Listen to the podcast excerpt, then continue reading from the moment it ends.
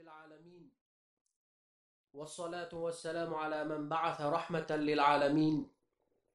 وعلى آله وصحبه أجمعين. ومن استنى بسنته واهتدى بهديه واقتفى أثره. وسار على نهجه إلى يوم الدين. أما بعد السلام عليكم ورحمة الله وبركاته. sahiylik va ko'p xayri ehsonlar qilish alloh taoloning sifatlaridan bo'lib baxillik esa uning sifatlaridan emas. Balki baxillikni yomon ko'radi va undan qaytaradi.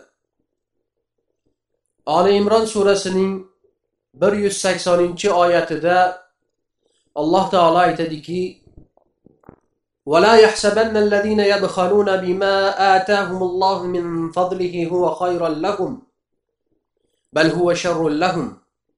سيطوقون ما بخلوا به يوم القيامة. ولله ميراث السماوات والأرض والله بما تعملون خبير. alloh fazli karami bilan ato qilgan narsalarning ya'ni zakotini berishga baxillik qilgan kimsalar hargiz bu qilmishlarini o'zlari uchun yaxshilik deb hisoblamasinlar. Yo'q bu qilmishlari o'zlari uchun yomonlikdir. Baxillik qilib bermagan narsalari qiyomat kunida bo'yinlariga o'ralajak. Barcha jonli jonsiz ketar va osmonlaru yer meros bo'lib ollohning o'ziga qolur. ha albatta hamma mulklar ollohnikidir bunda shak shubha yo'q shuning uchun kimgaki mulk berilgan bo'lsa bas u banda qorun kabi kerilib ketmasin qasas surasida kelishicha alloh taolo u qorun haqida shunday deydi قال إنما أوتيته على علم عندي أولم يعلم أن الله قد أهلك من قبله من القرون من هو أشد منه قوة وأكثر جمعا ولا يسأل عن ذنوبهم المجرمون u menga bor molu davlatim faqat o'zimdagi bilim sababligina ato etilgandir dedi axir u o'zidan avvalgi asrlar avlodlardan undan ko'ra quvvatliroq va jamg'armasi ham ko'proq kimsalarni olloh halok qilganini bilmasmi? U jinoyatchi kimsalardan gunohlari haqida so'ralmas ham. Mulk insonga kambag'allar ustidan kulib faxrlanish uchun emas balki imtihon maqsadida berilib banda uning shukronasini ado eta oladimi? Yo yo'qmi? Shu maqsadda beriladi. Bu mulkning shukronalaridan tilu dil bilan allohga shukurlar aytib uni isrof qilmaslik kerak. Gunohu ma'siyatlarga ishlatish isrofning eng kattasidir. Va zakotini o'z vaqtida haqli kishilarga berib turish kerak. Shuningdek kambag'allik ham imtihon maqsadida beriladi. Banda bu kambag'allikka sabr qilib ollohning bergan qismatiga rozi bo'ladimi yoki norozilik qilib o'zidan ko'p mulk berilgan kishilarni hasad qilib qazoyi qadarga bo'lgan iymoniga putur yetkazib qo'yadimi? Mana shunday yo'sinlar bilan alloh taolo bandalarini bu dunyoda imtihon qiladi. Agar dunyo ollohning e'tiborida pashshaning qanotichalik qadri qiymati bo'lganda edi undan biror narsani kofirga bermagan bo'lar edi deb muborak hadislarda aytib o'tilgan.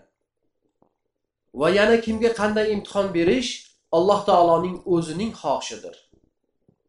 imom buxoriy va imom muslim rivoyat qilgan hadisda rasululloh sollallohu alayhi vasallam aytadilarki ما من يوم يصبح العباد فيه إلا وملكان ينزلان فيقول أحدهما اللهم أعت منفقا خلفا ويقول الآخر اللهم أعت ممسكا تلفا bandalar har tong ottirgan kunlarida ikki farishta tushib biri ey ilohim infoq qiluvchining moliga baraka ato qil deb duo qiladi. Ikkinchisi esa baxilning moliga talofat bergin deydi. Rasululloh sollallohu alayhi vasallam boshqa hadisda xabar berishlaricha farishtalarning duolari ijobatdir.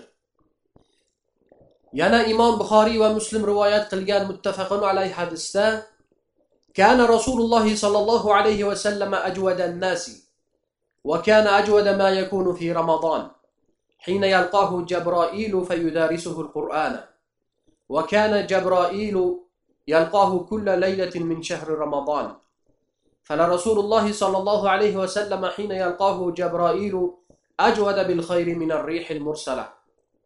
رسول الله صلى الله عليه وسلم odamlarning eng saxovatligi edilar ayniqsa ramazon oyida jabroil alayhissalom bilan ko'rishib qur'onni dars qilishganda juda ham saxovatli bo'lib ketardilar.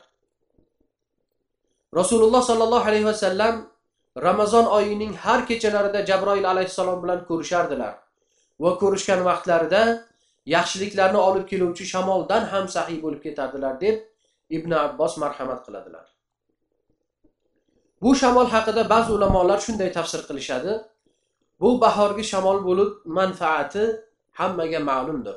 Daraxtlar gulini changlatib mevaga kiritadi va ko'pincha shamol esishi bilanoq yomg'ir ham yog'adi. Rasululloh sollallohu alayhi vasallam mana shunday shamoldan ham saxovatlari ortib ketar ekan. Endi nima sababdan bu darajada sahiy bo'lib ketadilar degan savolga ibn rajab rahimaulloh shunday deb javob qiladilar. Allohning kitobi bo'lmish qur'oni karim rasululloh sollallohu alayhi vasallam uchun xulq bo'lib qolgan edi. Ya'ni u zot qur'on nimaga rozi bo'lsa shunga rozi nimaga g'azab qilsa shunga g'azab qilar. Nimaga chorlasa o'shanga shoshar nimadan qaytarsa unga yaqinlashmas edilar.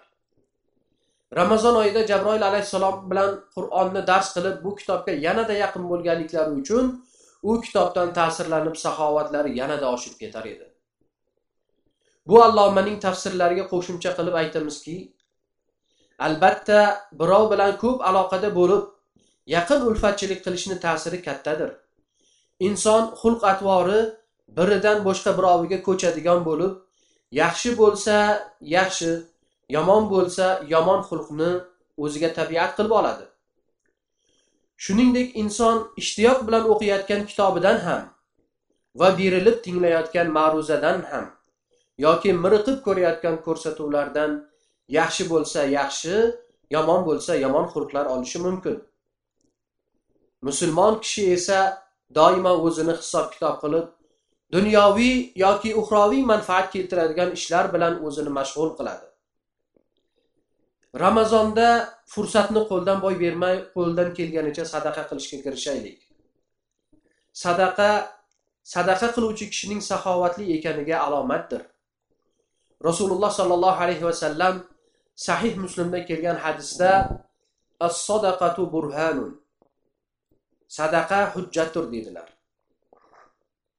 Chunki sadaqa qilish sadaqa qiluvchining iymonini chinakamligiga va molida alloh taolo uchun ajratilishi kerak bo'lgan haqlarni ado qilayotganligiga dalil va hujjatdir.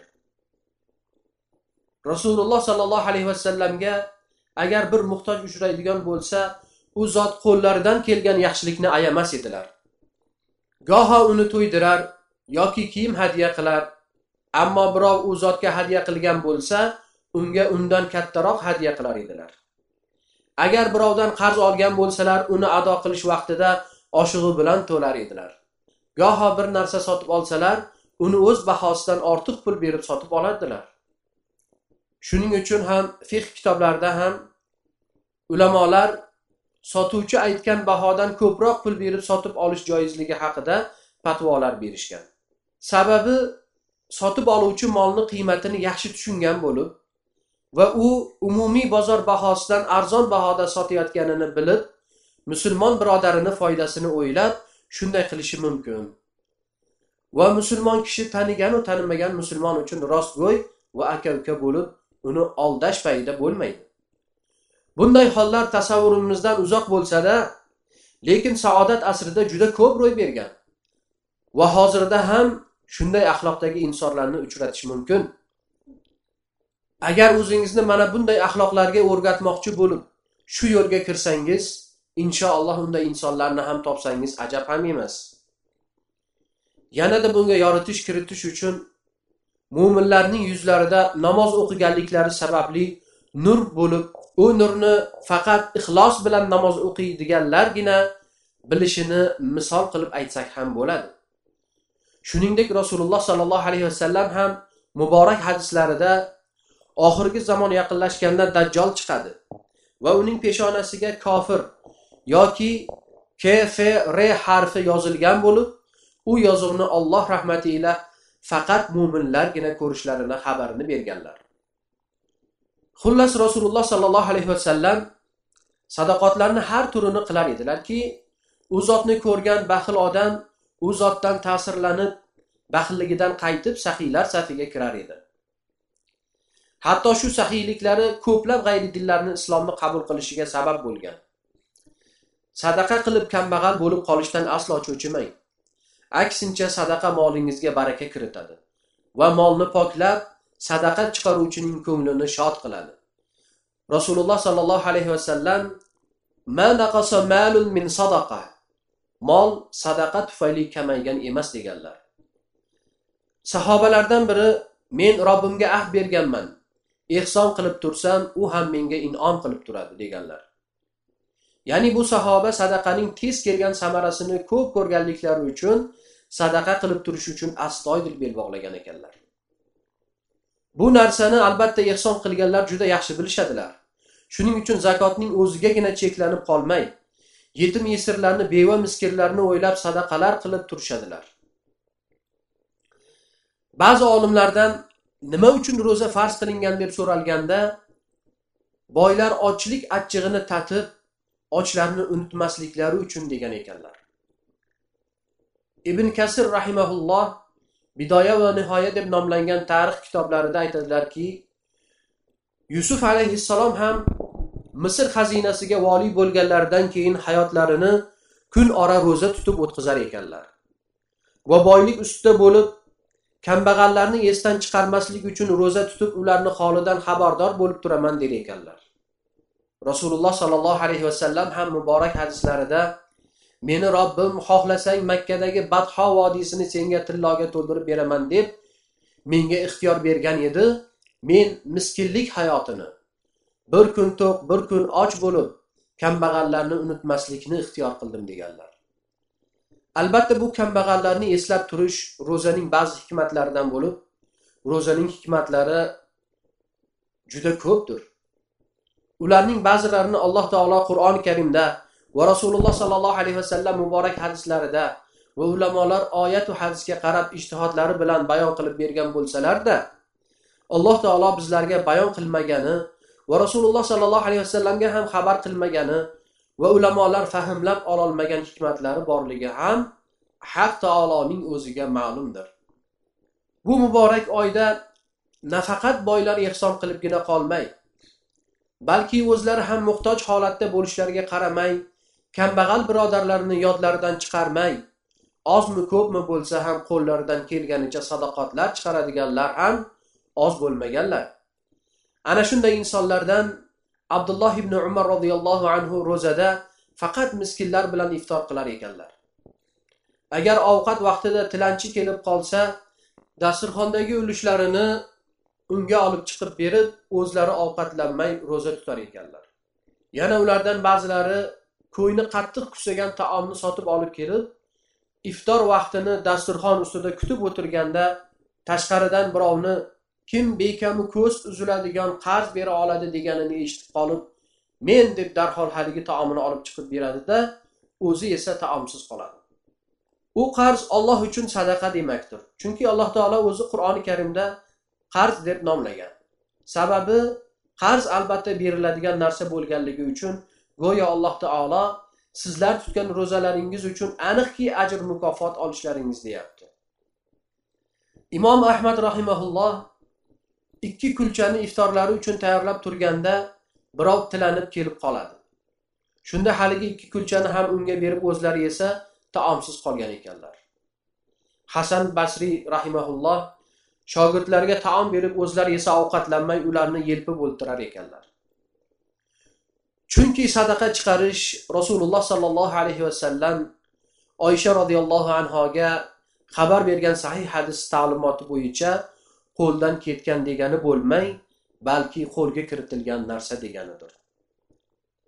Alloh taolo bizlarga mana shunday qo'lga kiritiladigan yutuq zafarlar bilan ramazonni o'tkazishligimizni nasib qilsin. Va axiru da'vana alhamdulillahi robbil alamin.